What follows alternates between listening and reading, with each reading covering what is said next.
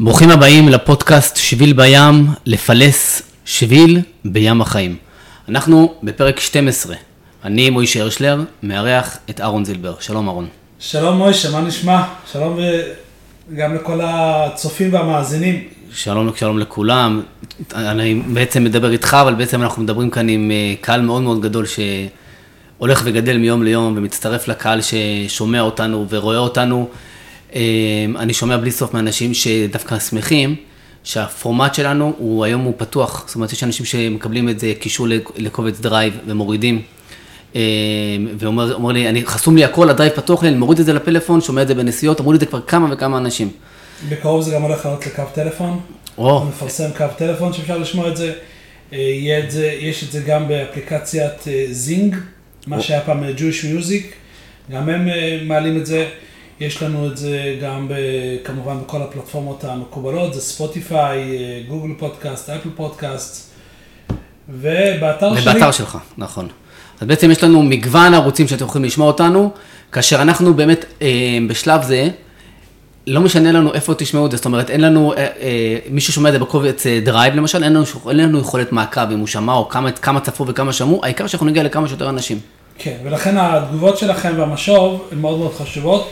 הדרך הכי פשוטה לתת לנו משאב על הפודקאסט זה להיכנס לאתר אהרון זילבר או זילבר ייעוץ והדרכה, עשו חיפוש פשוט בגוגל, וככה אה, אתם פשוט יכולים ליצור קשר, לכתוב לנו, וזה הדרך הכי פשוטה להגיב. נכון, נכון. אה, אפשר גם כן, אם רוצים, באתר שלי, האתר שלי בכלל, אני מנכ"ל של חברה שעושה התחדשות עירונית, אפשר לחפש האיגוד התחדשות עירונית, להיכנס, אה, להשאיר שם הודעה, זה גם הדרך הכי פשוטה. יופי. אז אחרי שדיברנו על ההשתתפות שלכם, בעצם אנחנו אה, כבר כמה וכמה פרקים עוסקים בנושאים שאתם אה, מבקשים שאנחנו נדבר בהם, נעסוק בהם, וזה היופי. אתם רוצים שנדבר על נושאים, ואנחנו מעלים אותם ומציפים את הכאבים והתחומי עניין שלכם, ובשביל זה אנחנו כאן. אז הנושא של היום, שפרק מספר 12, זה להיות עצמאי. זה שם הפרק וזה הכותרת. נשמע נושא מעניין. זהו, להיות עצמאי זה נושא, זה כותרת אה, מטורפת שאולי אפשר אה, אה, לדבר על זה בלי סוף ונכתבו על זה אין סוף ספרים. ואנחנו ננסה בפרק הזה לתמצת, ויכול להיות שנשאיר חלק מהנושאים של הפרק הזה לפרק הבא. אהרון, להיות עצמאי. איך אנחנו נתחיל? בואו נתחיל קצת ל... ל... בוא, בוא נגיד דבר ראשון, שמי שבחר להיות עצמאי הוא לא נורמלי. או. כי הנורמה זה שכירים. אה, אם אנחנו, התפלגות האוכלוסייה זה בין אה, נגיד 85 אה, עד 88 אחוז שכירים, ביתר האחוזים בין 12-15, במגזר החרדי בישראל יש 20 אחוז עצמאים, לדעתי זה בגלל הציבור הנשים החרדי, שיש הרבה יותר סיבות למה הופך להיות עצמאי. אז קודם כל מי שעושה זה הוא לא נורמלי. תכירו בעובדה השמחה והמצערת הזאת. זאת אומרת שהוא לא הולך בנורמה, זה מה שוודאי. כן. והשאלה, באמת... אבל בוא נגיד ככה, זה, זה נתון שהוא מאוד משתנה. זה, זה לא מה שהיה פעם, זה כל הזמן הנושא של להיות עצמאים מאוד מאוד צומח. אחוז העצמאים בארצות הברית, כבר לפני כמה שנים, עמד על 30 אחוז. זאת אומרת, הם תמיד ככה מסמנים את הכיוון ואנחנו צועדים בעקבותיהם בדרך כלל, אז זה אומר שאנשים נהיים יותר ויותר עצמאים.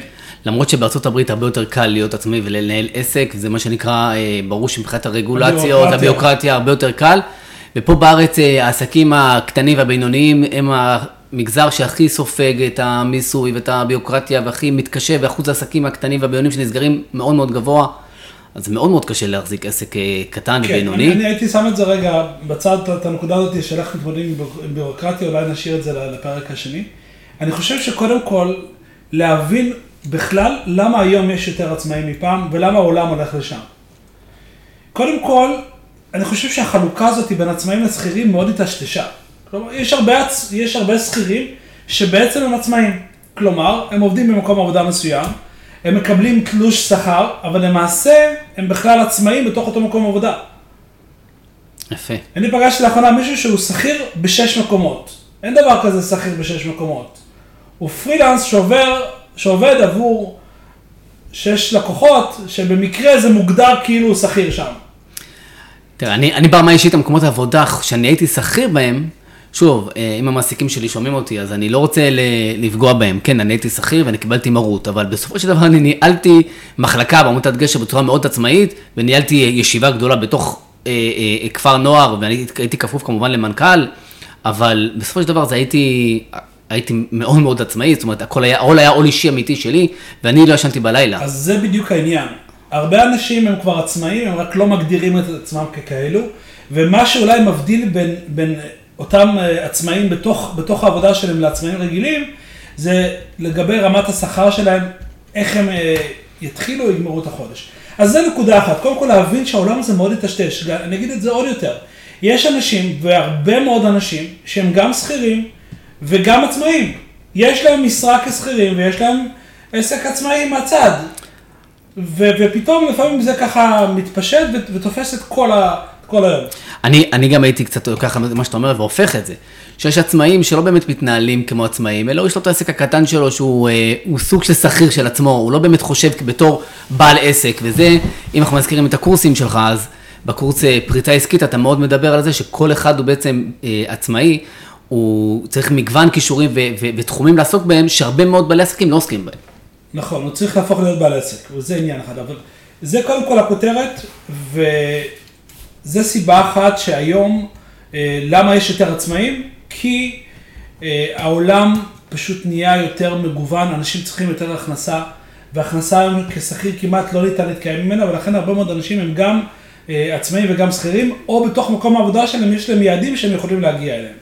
יכול להיות שגם הקורונה גם שינתה קצת בעניין. ברור, הקורונה עשתה המון המון המון שינוי בעניין הזה. אה, מה שקרה, עוד זה עוד משהו, העולם נהיה מאוד נגיש.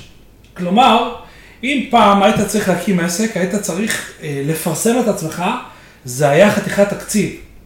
מיתוג, פרסום, כל הדבר הזה לקח המון כסף. היום אנשים בפלאפון שלהם, יש להם רק 300 צופים בסטטוס, שזה לא הרבה וגם לא קצת, והם מנהלים עסק שלהם משם, פשוט מעלים כמה סטטוסים וזה נהיה שלהם, או פותחים רשימת קבוצה, או כל דרך אחרת, והנגישות, או בעולם הכללי יש את הרשתות החברתיות, לאנשים קל היום מאוד מאוד להגיע לאנשים אחרים. יפה, יפה, הבחנה יפה, חשובה. ו- ולכן נהיה הרבה יותר קל בעולם להיות עצמאים. אז זה רגע הסתכלות שנייה על, ה- על, על מה קורה. רמת הכותרת, ופה אני, אה, בוא נשאל את השאלות.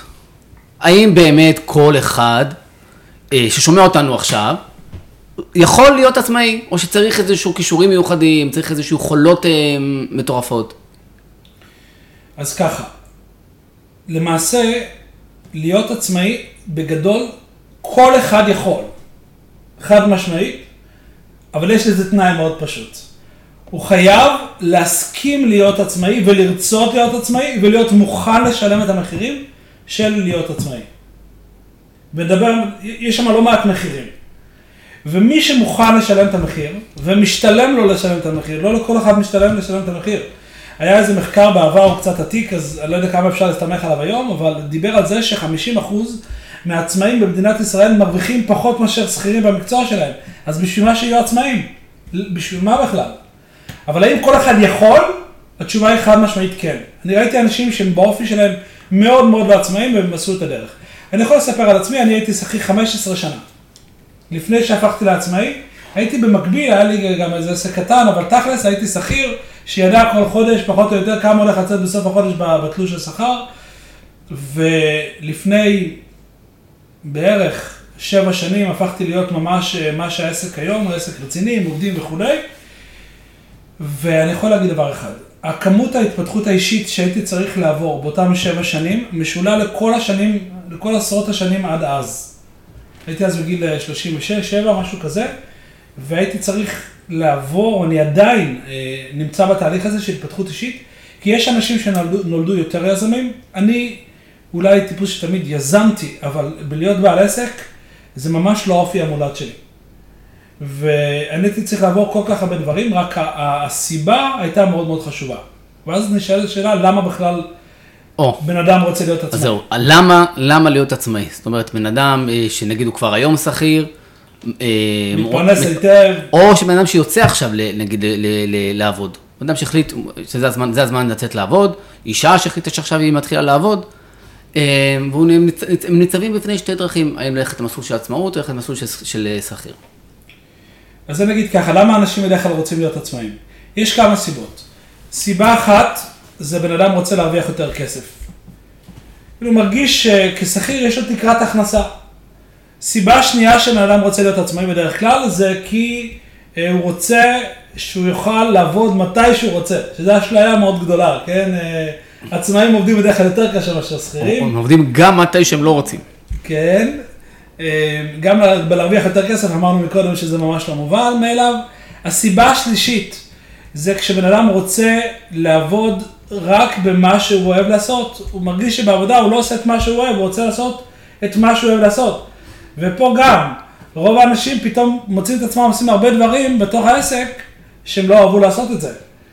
הסיבה הרביעית, שזה לדעתי הסיבה שאני פוגש הכי הרבה, אה, מעבר לכורח טכני, כן, שהוא לא, אישה שלא יכולה לעבוד אה, בשעות המקובלות, יש לה משפחה עם ילדים ולכן היא, היא, היא הולכת להיות עצמאית, אבל רוב, הסי, רוב הסיבה של האנשים שהופכים להיות עצמאים, זה כי הם רוצים לממש את מה שהם מאמינים שהם יכולים להוציא לפועל. וכשהם נמצאים במקום עבודה ותחת מישהו שמכתיב להם מה לעשות ואיך לעשות, אה, ולא נותן להם בדרך כלל מספיק אוטונומיה, זה סיבה לאנשים לרצות לפתוח ולהיות עצמאים. לעשות את מה שאני אוהב ולממש את הפוטנציאל שלי. זאת אומרת, מעבר לסיבה השלישית שאמרת, שזה זה בעצם לעבוד במה שאני אוהב, זה משהו מעבר. זאת אומרת, זה להיות, להגשים את עצמי. אני רוצה לבטא את עצמי, להגשים את עצמי, בדיוק.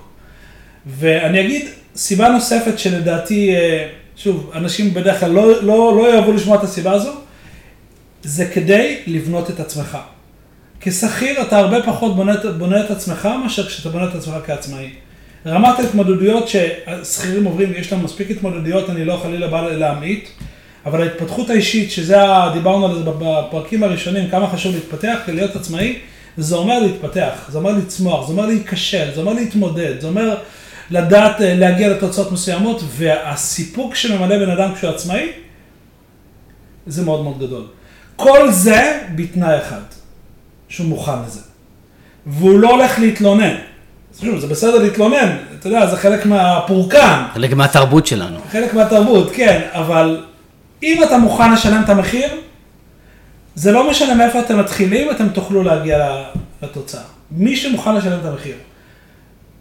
ורוב הבעלי עסקים יודעים, כשהם הופכים לעצמאים, רוב האנשים שהופכים לעצמאים, יודעים למה הם נכנסים, אהרון, או לא יודעים למה הם נכנסים? יש להם נס שהם לא יודעים. זאת אומרת, אם הם היו יודעים, היו, תעזוב אותי, תן לי להיות צריך לקבל את המשכורת ו... אבל, אבל היצר החיים יותר גדול. זה יצר חיים, זה יצר של יצירה, של להקים משהו, של להוביל, וגם יש שם תמיד את התקווה. בשכיר, הרבה פעמים אין לו את התקווה. זה כאילו אוקיי, זה השכר, אולי אני יכול לקבל העלאה, אבל אין תקווה. וכשהוא פותח אה, עסק עצמאי, הוא אומר, רגע, אני יכול להגיע פה למיליונים, אולי אני אתעשר מזה. והתקווה זה משהו, זה מתנה מאוד מאוד גדולה עבור אנשים. זה לא איזה משהו של, טוב, תקווה, ואז נתאכזב. אני אומר לאנשים, תקוו, תצפו, אולי תתאכזבו, אז מה אם תתאכזבו? זה לא כזה נורא להתאכזב, תדע שעשיתם משהו. יש, אולי אתה, זה על, על דרך המשפט שאומר, אה, אין, אה, אין דרך אל האושר, האושר הוא הדרך. נכון. בסופו של דבר אנשים מאושרים בזה שיש להם, הם חיים בחיים של תקווה. כן, ואני אגיד את זה עוד יותר, כשבן אדם באמת צומח ומתפתח והעסק שלו גדל, ואם הוא מסתכל על זה בצורה נכונה, והוא לא עסוק כל הזמן בהשוואות מול אנשים אחרים, למה הוא מצליח יותר ממני, אלא רק, הוא רק דואג לעצמו להיות מפותח יותר ממה שהוא היה אתמול, אז הסיפוק העצום שיש בלהיות עצמאי הוא סיפוק מאוד מאוד גדול. אז לכן אנשים בסוף הולכים להיות עצמאים. למי שרוצה.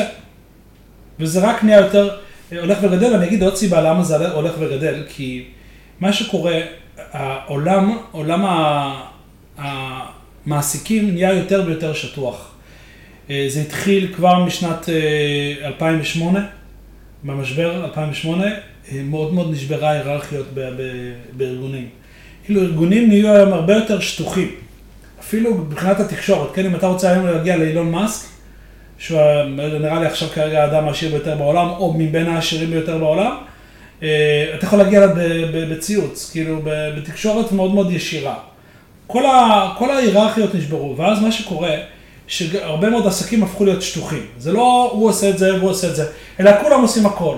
ואז ממילא יש שם הרבה פחות מועסקים והרבה יותר, אה, השימוש בפרילנסרים, שמה זה נקרא פרילנס? בן אדם שנותן שירות לעסק מסוים תמורת חשבונית במקום להיות עובד שם, שזה על גבול העצמאי כזה, הרבה הרבה הרבה יותר צורך יש באנשים כאלו היום.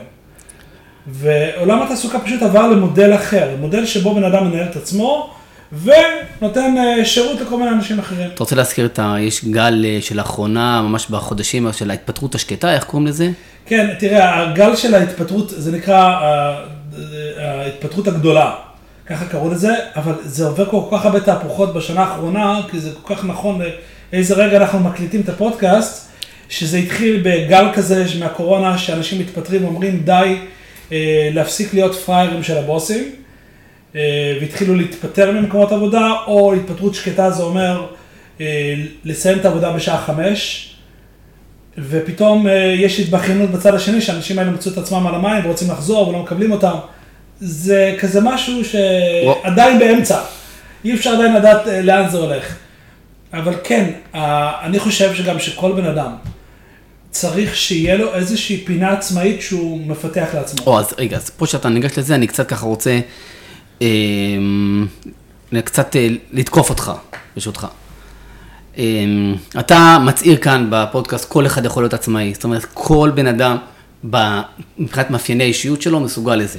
ואתה אומר, עם כל ההסתייגויות, יש פה הגשמה עצמית, יש פה אה, אה, מימוש עצמי, יש פה יכולת אה, לחיות בתוך תקווה גדולה, אבל בוא, איזה, איזה, איזה, איזה, איזה, איזה הכשרה יש לבן אדם, כאילו, אוקיי, אתה אומר, אם מחר אדם רוצה, רוצה להיות עצמאי. זה לא אדם רוצה להיות רואה חשבון, רוצה להיות עורך דין, רוצה להיות זה, הוא הולך, למד את המקצוע, הוא הולך, הבוס מקבל אותו, מקבל את המשכורת, ברור ההכשרה שיש לו, כל, בכל עבודה שיש, מחשבים, הכל. איזה הכשרה יש לנו ללהיות uh, עצמאי חוץ מלנסות ולהיכשל בניסוי אה, וטעייה? אז אני מסכים איתך לגמרי. אה, כל עצמאי חייב הכשרה למה שהוא עושה. זאת אומרת, יש את המקצוע שהוא למד.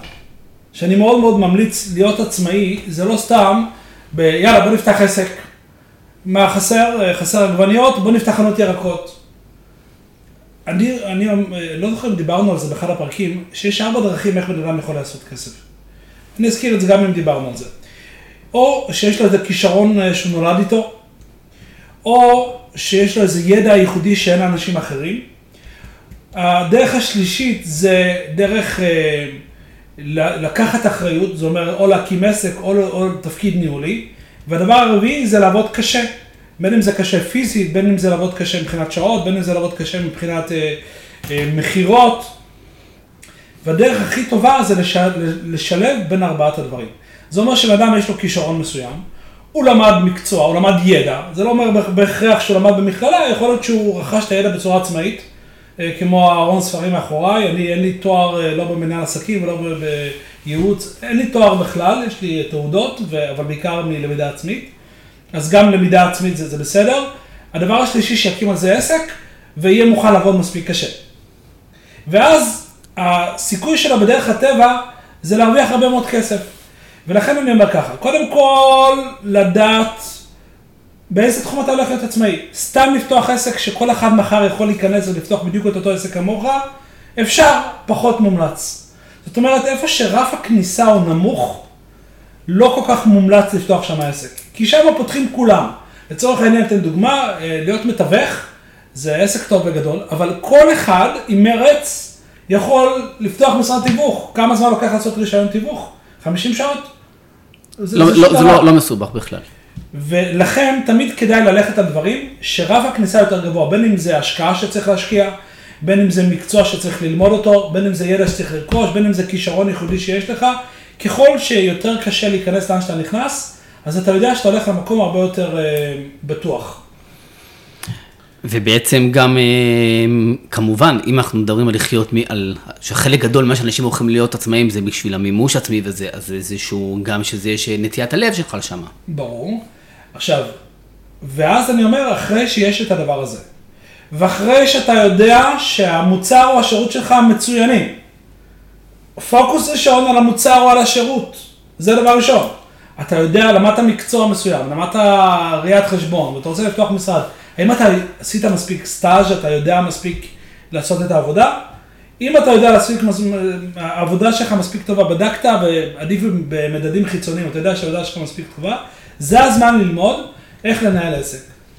היה לי אה, סיפור עם אחד הלקוחות שהיה אצלי אה, לפני, לא יודע, שנה, והוא בא אליי אחרי שמונה שנות לימודים, והוא הרוויח בחודש 8,000 שקל לחודש. וואו. אמרתי לו, אני לא מבין, למדת שמונה שנים, לא הגיע הזמן להתחיל להשקיע 1 חלקי 100 מהזמן שלך כדי ללמוד לעשות מזה כסף, אולי תפסיק כבר עם הלימודים. הגיע הזמן, תתחיל ללמוד לעשות כסף. עכשיו, הלמידה, איך להתמלץ עם זה בכבוד, לא יודע, אצלי זה לוקח כולה עד הכל ביחד איזה 50 שעות. זה לא הרבה זמן. זה לא, אתה אומר, טוב, עכשיו אני צריך להיכנס לאוניברסיטה. את הידע הבסיסי בעסקים, באיך לנהל עסק, זה גג 50 שעות. הגזמתי אפילו. והוא שלח לי אה, הודעה ב- בשבוע האחרון, לפני שבועיים, משהו כזה, הוא הגיע ל-30 אלף. רק מלשים את הפוקוס על, אוקיי, איך אני מייצר מזה כסף. שזה, שזה הפוקוס, אז אני אסכם רגע את מה שאמרתי, זה אומר ככה, בן אדם שרוצה ללכת להקים עסק, צריך ללמוד איך לנהל עסק, קודם כל, תהיה מספיק טוב במוצר שלך. אה, אפילו אם החלטת לפתוח לצורך העניין אה, מכולת או חנות ירקות, האם יש לך מספיק ידע בדיוק איך הדבר הזה עובד? שזה מקצוע לכל דבר ועניין, להיות אה, ירקן זה מקצוע. לדעת עם מי להתעסק, מי הם הספקים, איך לבחור את הסחורה, איך לדעת כמה, איזה כמות להזמין, איך לדעת לזהות את טיב הסחורה, איך, איך למקם אותה בחנות, איך לתמחר את המוצרים, יש שם כל כך הרבה דברים לדעת אותם, אפילו במשהו לכאורה הכי פשוט שרק יכול להיות. זה נשמע אבל תואר בכלכלה. תמחור, אה, משא ומתן. עובדה שמה שנקרא גם בשוק הכרמל ובשוק מחנה יהודה, יש סוחרים טובים. אה, בדיוק. אה, אני פעם ישבתי אה, במטוס ליד איזה אדם עשיר, זקן, ואמרתי לו, טוב, אני רוצה שתיתן לי את הטיפ איך נהיים עשירים. בוא, תגיד לי, מה, הסוד? אומר לי, זה מאוד פשוט. לקנות טוב ולמכור טוב. כאילו, לקנות במחיר טוב, במחיר זול ולמכור ביוקר. זה כל הסיפור. עכשיו, זה באמת כל הסיפור. אומרים שהדבר האמיתי זה, ב, זה בלקנות. זה במקרה שאתה מוכר מוצרים. כשאתה מוכר אה, שירותים, זה, זה עובד קצת אחרת. מהמם. שבעצם את מה? בעצם אתה צריך לדעת לפתח את השירות המיוחד שלך. אתה צריך לפתח את השירות המיוחד שלך, אתה צריך להביא ערך מוסף ייחודי לתחום שלך. הרבה אנשים עושים את הטעות, הם רוצים להיות ייחודיים, אז הם מביאים תחום חדש. אני אביא משהו שאין כאן. אתה יודע מה זה אני... לא, זה לא מוצלח. או, למה? אני, אני נזכרתי רגע בקורס שאתה עשית, שאתה אומר להביא ערך חדש, אה, שאני, עד היום אני מצטט על הקורס הזה, הרבה, מספר אותו להרבה אנשים, שאתה עשית קורס אה, פריצה עסקית, שזה קורס שמלמד להיות בעל עסק, רק ליועצי משכנתאות. ואני בקשר עם הרבה מאוד יועצי משכנתאות מתוקף אה, העיסוק שלי. ואמרתי, הנה, מה, תמיד תמיד כדוגמה, הנה, הוא עשה קורס, אהרון עשה קורס ל-30 יועצי משכנתאות. והמהלך היה שכל אחד מוצא את ה... במה הוא אה, מיוחד, איך הבידול שלו, ואולי כדאי שנדבר על בידול יותר בה- בהמשך, אבל כן, 30 יוצאי משכנתאות בקבוצה אחת, כאשר כל אחד אומר, אני מביא משהו אחר. לגמרי, ואני אגיד את זה עוד יותר. כל בן אדם הוא ייחודי במהותו, כי נולדנו שונים, ובדרך כלל כל אחד מביא את מה שהוא מביא. לא משנה אם הוא לבד בעסק או שיש לו עשרה עובדים או 700 אלף עובדים כמו אמזון, שגם מתנהל בצלמו ובדמותו של המייסד אה, ג'ף בזוס. אבל כל בן אדם מביא את הערך הייחודי שלו, אבל הוא צריך לדעת מה הערך הייחודי שהוא מביא, הוא צריך לזהות את זה.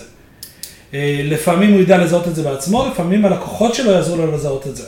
אני מציע תמיד לאנשים להבין מהלקוחות מה הם באמת מקבלים. אני אישית עשיתי לאחרונה תחקור לקוחות מאוד רציני על אה, קורס המאמנים. אה, ענו על השאלון הזה יותר מ-90 לקוחות, 92 או 93 לקוחות. וישבתי על זה שעות שעות לנסות להבין, ואני יכול להגיד לך שרק מתובנה אחת שלקחתי משם, ירד אה, זמן המכירות, זמן השיחות ההתעניינות עם אנשים ירד בפחות, ביותר מ-50 אחוז. זאת אומרת, לא. זה, זה הפחית יותר מ-50 אחוז מזמן השיחה. רק מאיזושהי תובנה אחת וחידוד מסוים שהבן אדם, אה, שהבנו מתוך השיחות האלה. ולכן מה שאני עושה תמיד עם, עם לקוחות, שאנחנו עושים זיהוי אסטרטגיה, זה, זה לדעת את, ה, מה הלקוחות אומרים. תחקר לקוחות בצורה מאוד מדויקת, ואז אנחנו יודעים אה, אה, לדעת מה, מה מיוחד. אבל התחלתי לומר, למה לא כדאי להמציא דבר חדש? הרבה אנשים, החשיבה האוטומטית שלהם, איך אני אעשה שכולם יגיעו אליי, שאני אביא משהו חדש, מושג חדש שאף אחד לא הביא, שזה בעצם נקרא לחנך שוק. לחנך שוק מתאים לאנשים שיש להם א', הרבה כסף והרבה זמן. זה לא מיועד לאנשים שפותחים עכשיו את העסק ומביאים איזה רעיון חדש מחו"ל, שאף אחד עוד לא היה צריך אותו. שאף אחד עוד לא יודע שהוא צריך אותו. כלומר, יכול להיות שאנשים צריכים אותו, אבל לחנך את השוק לצרוך מוצר חדש, זה לא ביזנס טוב.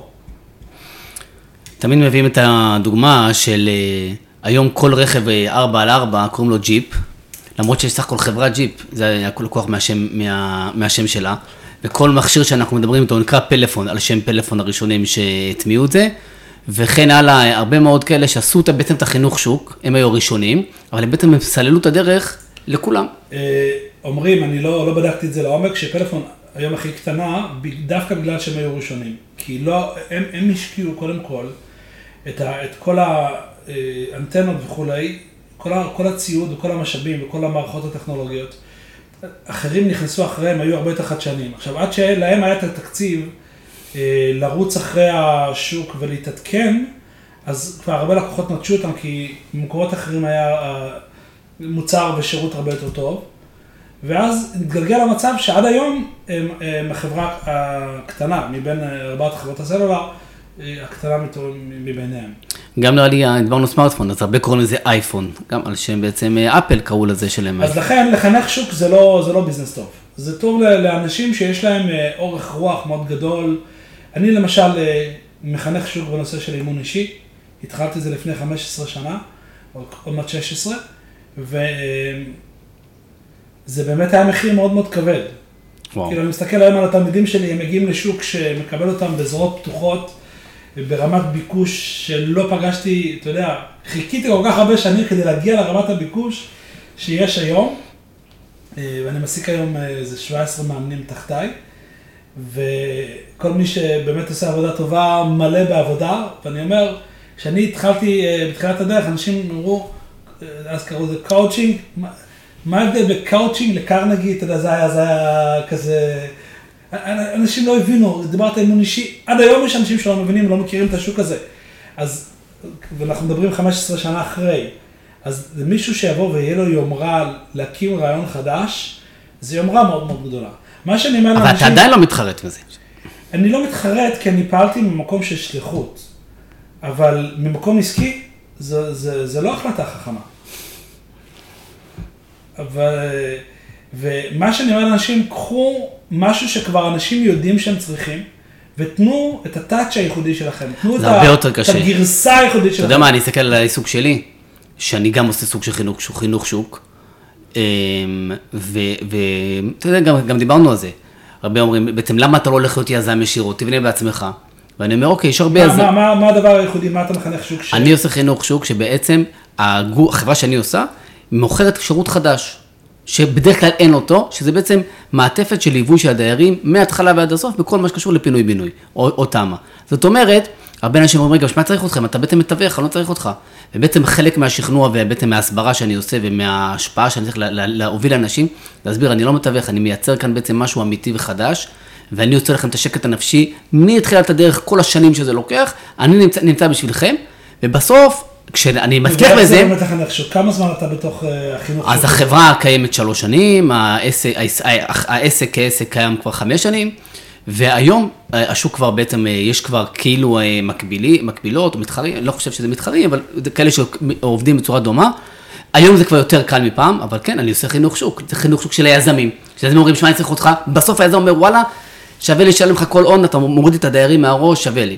הדיירים פתאום אומרים, וואי, בלעדך אני לא הייתי סומך על היזם.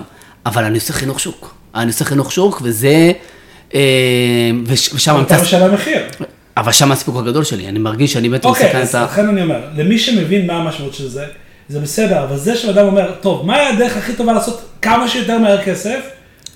אה, בואו נפתח משהו שעוד אף אחד לא פתח. יש את הבדיחה הידועה שכולם מספרים, שבן אדם ככה, יש לו בן בארץ, והוא גר בחו"ל, והוא רוצה לספר שלבן שלו יש עסק. כלומר, אתה חייב להקים איזה עסק. לך תסתובב ותראה מה אין בירושלים ותפתח עסק כזה. מסתובב, הוא אומר, טוב, מוצרי דייג, אין. בוא נפתח חנות למוצרי דייג. יופי, שולח לו אה, העברה בחשבון, מקים או זה, ויופי, הוא יכול לספר לחברים שלבן שלי יש עסק בירושלים. עובר, אה, עובר תקופה של אותו, מוישה, מה קורה? יש, אה, יש לקוחות, יש כסף, הוא אומר, תקשיב, דייג בירושלים, זה לא ממש, ה... אין ים בירושלים. אבל אני יכול להגיד לך שעוד שתי חנויות נפתחו בהמשך הרחוב. ואנשים אומרים, עכשיו הבדיחה הזאת היא כל כך חלחלה, שאנשים כאילו מרגישים בוז לחכות משהו. זה כאילו, מה, זה לא מעניין, מה, אני אעשה משהו שכולם עושים? עכשיו, אני דיברתי, בימים האחרונים דיברתי בכנס אה, לנשות אה, עסקים, לעצמאיות גדולות עסקים של תמך אה, בבנייני האומה, ואמרתי שם דבר מאוד מעניין שהבנתי אותו, שאין בעיה שייכנסו כמה שיותר אנשים לאותו שוק, כאילו צפיפות לא עושה בעיה.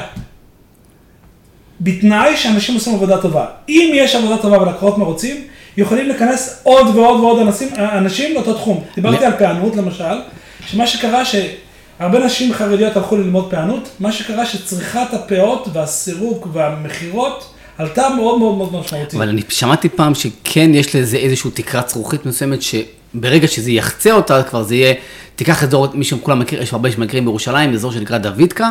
כל מי שרוצה לקנות פלאפון או לתקן פלאפון, מגיע לשם. זה התחיל מחנות אחת מאוד טובה שהייתה שם, ואז יום אחד קם לו מתחרה ממול. היום יש שם, לדעתי, 20-30 חנויות באותו אזור, וכולם מגיעים, יודעים שם את המבצעים הכי טובים, ואת כל הסוגים שאתה צריך, הכל יהיה שם. אבל אם יהיו שם עכשיו עוד 30 חנויות, זה כבר לא יכיל. אני אגיד לך, זה שוב מאוד תלוי, כן, כמו כל דבר יש תקרה, אני מסכים עם זה, אבל אם כולם יעשו עבודה ממש טובה, אז אנשים יגיעו גם מכל הארץ לקנות שם. כי מה שקורה כשיש הרבה מתחרים, כל אחד חייב למצוא את הבידול שלו, והוא מביא משהו שלא היה. והוא מייצר משהו שלא היה, ופתאום הוא מייצר איזשהו מוצר חדש שאנשים לא ידעו שהם צריכים אותו. והם החליפו יותר מהפלאפון. אולי הוא בכלל ימציא איזשהו קונספט חדש לאיך אנשים מחזיקים את הפלאפון. זה קורה תמיד כשיש תחרות, ואם יש שם אנשים לא טובים, הם אלה שנופלים החוצה מהשוק, אבל מי שטוב, לא משנה כמה אנשים יהיו, ייקחו יותר. אם יהיה יותר, יש יותר יוצאי משכנתאות, ייקחו יותר כסף מהבנק. אז זהו, פעם בכלל לא היה דבר כזה יוצאי משכנתאות. הראשונים שסללו את הדרך, שילמו כאן את המחירים, כמו שאתה אומר. אבל היום, בתודעה, אה, אני אומר לך לעצמי, אני לקחתי הרבה פעמים משכנתאות אה, ומחזרתי כל, כל, כל תקופה, תמיד לקחתי יוצאי משכנתאות, כי הבנתי שכמה שזה, איזה, איזה שירות טוב זה בשבילי. אה, כי היום אנשים מבינים, א', הם מחזירים יותר מפעם, יוצאי משכנתאות החדירו את זה לשוק. ב', אה, כל אחד שלוקח משכנתה היום מבין שהוא צריך את השירות הזה. בעבר, בעבר, שזה יעזור לו. נכון, אבל באמת אה, לחנך את השוק היה מחיר מאוד כבד, והבן אדם שחינך את השוק הכי הרבה, לא בשוק היום. אה, אתה מכיר אותו, נראה לי שגם אני מכיר אותו. כן, היה לו חברה אה, גדולה. דיברתי לאחרונה, כן ישבתי עם אחד מהחברים שלו, שהיה גם בתחילת הדרך, ועד היום הוא יועץ משכנתאות, הוא היה בקורס הזה שאני עברתי, והוא אומר לי, אני נזהרתי לא לחנך את השוק. כי זה דורש כל כך הרבה משאבים, זה דורש כל כך הרבה אנרגיה. שלפעמים בסופו של דבר בן אדם אומר, די, נגמר לי. הוא חוטף כל כך הרבה סירוב, כל כך הרבה השמצות, כל כך הרבה אה, דברים מהסוג הזה, שזה פשוט אה, גומר אותו, ואז הוא אומר, די, תן לי לך משהו אחר. לכן אני אומר לאנשים, אתה צריך להיות אופי מאוד מאוד חזק כדי להסכים לחנך שוק. ולא כל אחד מתאים לזה. בהקשר לזה, אני שמעתי פעם אה, הרצאה ממישהו שמאמן אה, סטארט-אפ, סטארט-אפיסטים, יש שתי סיבות שסטארט-אפים נסגרים. אחד, איבוד, נגמר האנרגיה, זאת אומרת, זהו, סוחבים, שנה, שנתיים, שלוש. אולי נגמר הכסף. כן. שתיים, איבוד פוקוס. ברגע שבעצם עובדים שנה, שנתיים, ורואים, רגע, אולי הכיוון הזה לא מספיק טוב, אז נעשה גם את זה, נעשה גם את זה, וזה ממש מתאים למה שאמרת פה על בעלי עסקים. הפוקוס, במה אתה מיוחד, ו... אל תלך למשהו שדורש ממך יותר מדי אנרגיה, שזה כמו חינוך שוק, שזה באמת האנרגיה שלך בשלב תיגמר, אתה, הסוס שלך ייגמר, אחרי כמה שנים אתה כבר תהיה גמור, ואז יבואו אחרים ויאכלו את מה שאתה חרשת. כן. אז עדיין, אה, אהרון, איזה הכשרה תכלס אפשר לעשות לבעלי עסקים, בוא, בוא, לאדם שמחליט להיות עצמאי, איזה הכשרה פורמלית או לא פורמלית יש לדבר הזה? אז בוא, בוא נדבר רגע על איזה תכונות הוא צריך לפתח, ואז נבין איזה הכשרה הוא צריך לקחת. מה הוא צריך להיות? או. מה הוא צריך להפוך את עצמו? לאיזה, לאיזה סוג בן אדם הוא צריך להיות? אז הדבר הראשון שהוא צריך להיות, זה בן אדם שיודע לנהל את עצמו. בן אדם שיודע לנהל את עצמו, זה אומר שהוא יודע לנהל את הזמן שלו, שהוא יודע לנהל את הרגשות שלו, שהוא יודע לנהל את קבלת ההחלטות שלו, ויש לו כזה אה, התבייתות למטרה. משל למה הדבר דומה? אנחנו נמצאים עכשיו בחדר, אוקיי? אם החדר הזה עכשיו סגור, ואולי לא נעים לתת את זה כדוגמה, אבל נגיד שאני עכשיו אה, מתחיל להרביץ לכם מכות, אוקיי? והחדר הזה פתוח, מה תעשה?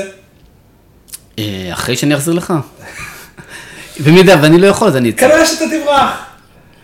זה, אם, בפרט אם אני קצת יותר אה, גברתן, ואולי אני, אה, יש לי איזה שתי מטר גובה וקצת רוחב, אתה תברח. מה יקרה אבל אם הדלת פה נעולה? אם הדלת נעולה, אתה תיתן fight, אין לך ברירה, אתה חייב, ל- אתה יודע, מה שנקרא, לתת את, את כל העוצמה, להילחם או למות. עכשיו, הרבה מאוד אנשים שפותחים עסקים, או עצמאים בעיקר, אין לה, הדלת שלהם פתוחה. מה זאת אומרת? הם כל הזמן שואלים את עצמם, האם זה באמת מתאים לי? בן אדם ששואל את השאלה האם, זה אומר שהדלת פתוחה, הוא יעוף מהחדר, חד משמעית. הוא לא ישרוד את המשברים האלה. בן אדם שנועל את החדר ואומר, אני כאן. כל השאלה שלי זה לא האם, השאלה שלי זה איך. ברגע שזאת השאלה, רק איך, הבן אדם יצליח לעבור את זה. אתה לא רוצה להשתמש בביטוי האהוב והידוע, אה, לשרוף את הספינות. לשרוף את הספינות זה משהו שאני לא כל כך ממליץ עליו. וואלה, למה? זה בדיוק זה. זה, זה מתאים לסוג אנשים מאוד מסוים, בוא נדבר רגע מה זה המושג הזה לשרוף את הספינות. בן אדם, היה איזה גנרל שהנחית את החיילים שלו על החוף, ואיך שהם עלו על החוף, הוא חשש שהם ימרדו בו. או- או הוא חשש שיהיה- להם מורת רוח. אה, כן? אני גיליתי את את הסיפור הזה, היה שם סיפור שלם בעת אה, כיבוש אה, מקסיקו, שלחה בן אדם לכבוש איזה, איזה מדינה, אני לא זוכר את כל הפרטים של הסיפור, אבל אה, הוא חשש שהמלאכים ימרדו בו, אז הוא פשוט שרף את הספינות. אמר מפה, או שמנצחים, או שמתים. אין דרך, אין לאן לחזור. מאיפה שהגענו. והם היו הראשונים שכבשו את אותה אני, את אני אותה מדינה. אישית אה, לבעלי עסקים לא ממליץ על הדבר הזה, כי אני חושב שבעל עסק צריך לבנות את העסק לפני שהוא אה, שורף את הספינות. כלומר, אם אתה עכשיו עוזבת את העבודה שלך ונכנסת כולך לתוך העסק ואין לך כסף בצד, אז אתה תיכנס מאוד מהר לסחרור ותעשה, בן אדם, אנשים מתחילים לעשות הרבה שטויות. לקחת חובות, להיכנס ללחצים, לעשות המון המון טעויות. אני לגמרי לא ממליץ לשרוף את הספינות. אני כן ממליץ מה שאני דיברתי על ה... ו- ובדרך כלל אתה ממליץ להישאר שכיר ו... אה, כ- לאט לאט, אני, אני הייתי שנה וחצי שכיר תוך כדי שהקמתי את העסק הנוכחי, עד ששילמתי לעובד שלי את אותו משכורת שקיבלתי כשכיר, לא עזבתי. וזה היה מאוד קשה, אבל זה היה הרבה יותר נכון, כי אני לא בניתי את כל ההכנסה שלי על העסק הזה, נתתי לעסק הזה לצמוח ולגדול לפני שאני מתחיל לשאוב את כל הכסף שלו. וזה נקודה שהיא אה, מאוד משמעותית, שבן אדם יחליט שאני כאן בתוך החדר הזה, זה לא קשור לזה שהוא שרף את הספינות, זה קשור להחלטה. יש איזה ספר שנמצא פה בארון, שקוראים לו גריט. מכיר את הספר הזה? כן. שמדבר על מה שבדקו בצבא ארצות הברית, מה שמנבא הצלחה בצבא, שזה נחישות, זה מורכב מכמה דברים. משלוש אה, רכיבים. כן, כמה רכיבים, והנקודה הזאת היא של בן אדם שמחליט, אני כאן, ורק השאלה זה איך. ובן אדם שכל הזמן רוצה לשאול את השאלה האם, אז הוא בבעיה. אז רגע, מה, בן אדם לא צריך לשאול אף פעם האם? הוא כן צריך לשאול, אבל הוא לא יכול לשאול את זה אחרי אה, יום אחד שהפקיד מתקשר להגיד לו, תגיד, תביא כסף לבנק, יום אחד אני מחזיר לך צ'קים, ואז הוא מתחיל לשאול האם, זה לא הזמן לשאול האם. אתה יכול להחליט שפעם בשנה, בסיכום השנתי, אתה יושב עם הרואה חשבון שלך ומחליט האם אה, נכון להמשיך את העסק הזה. זה בסדר לבוא ליועץ עסקי פעם ב- ולבדוק מה קורה, אבל זה לא יכול להיות שכל יום, או כל שבוע, או כל משבר הכי קטן, אתה מתחיל לשאול, רגע, זה באמת מתאים לי להיות עצמאי? באמת מתאים לי העסק הזה? בן אדם שזה מה שהוא שואל, הוא בוודאות יעוף מהחדר. אם הדלת נעולה, הוא ייתן fight וינצח. ואני יכול להגיד לך שאני כבר ליוויתי יותר מאלף אה, עסקים במהלך השנים, אה, בין בזינוק ובפריצה עסקית, ואני ראיתי באמת שלא משנה מאיפה אתה מגיע, משנה כמה אתה מוכן להשקיע. ברור שיש אנשים שנולדו יותר עצמאים בטבעם, יותר יזמים, יותר מנהלים, ואנשים שפחות. יש אחד שיצטרך לעבוד יותר, יש אחד שצריך לעבוד את זה פחות, יש, יש אחד שצריך יותר ליווי עסקי, יש אחד שצריך פחות ליווי עסקי. אז אני אחזור רגע לשאלה ששאלת, מה בן אדם צריך להיות כדי להיות עצמאי? אז הדבר הראשון שהוא צריך להיות, ניהול עצמי. זה ניהול עצמי. הוא צריך לדעת לנהל את הזמן שלו, לנהל את האנרגיה שלו, לנהל את המוטיבציה שלו, לנהל את הנחישות שלו להגיע ליעד. אחר כך הוא צריך לדעת לתקשר עם אנשים. תקשורת. תקשורת זה כולל שזה... שירות, תקשורת זה כולל מכירות, תקשורת זה כולל לדעת להעסיק עובדים. הכל בסוף זה תקשורת. אם אתה לא יודע לתקשר את מה שאתה עושה, אז איך מישהו ידע על מה שאתה עושה? תקשורת זה דבר שצריך המון המון להשקיע בו, כי בסוף תקשורת זה מה שגורם לזה שמה שאנחנו עושים ייצר לנו כסף. שזה כולל בתוכו גם כן אה, משא ומתן, אומנות ההשפעה, כמו שדיברנו בפרקים הקודמים. מכירות, ואומנות השפעה, ושיווק, וכל הדברים האלה, זה משהו שכישרון של אדם צריך להשיג אותו. וצר לי לבשר, בשורה אולי לא הכי טובה. אתה לא תצליח להפיל את זה על מישהו אחר שיעשה את זה. אתה יכול להיעזר בכל מיני אנשי מקצוע וכל מיני עובדים שיעשו עבורך דברים, אתה לא יכול להתנער מזה. אתה עצמך צריך להיות הבן אדם הזה. וגם אם אתם לא כאלו, אתם יכולים להיות כאלו. זו שאלה של השקעה, שאלה של רצון, שאלה של מוכנות להתמודד, מוכנות לשלם מחיר. זה מהותו של להיות, להיות עצמאי. אם אני אשאל מה באמת הופך אדם להיות אה, עצמאי, זה המוכנות להתמודד ומוכנות לשלם מחיר. רגע, אתה, אתה בא להגיד לי שכל בעל עסק מצליח, חייב להיות שהוא הצליח בגלל שהיה לו, שוב, ש... לא יכול להיות שבעל עסק יצליח אם הוא בעצמו לא מבין בתחום של הפרסום והשיווק של התחום שלו. הוא, לא הוא לקח קצת שיווק, הוא לקח איש מכירות, אנשי מכירות, קחו, תעשו, הוא לא מבין בשיווק מכירות. לא, לא יצליח. לא אין דבר כזה. חד משמעי, לא יצליח. הוא לא חייב לדעת לכתוב. הוא לא חייב לדעת לעצב מודעות. הוא חייב להבין מה, מה הוא רוצה. אם הוא לא מבין מה הוא רוצה מהאנשים, לא יודע מה לצפות, לא יודע מה, מה לתכנן, הוא לא יודע מה המסר שלו, לא יודע מה האסטרטגיה שלו, אז, אז זה לא עובד. וואו. יש אנשים שהם יודעים והם לא יודעים שהם יודעים. יש כאלה אנשים שיש להם חוכמת בן כפר. זה אנשים שהם לא תיאוריות והם יודעים, הם אפילו לא יודעים להסביר מה הם עושים, אבל הם יודעים היטב מה הם עושים. אינטואיציות חזקות. כן.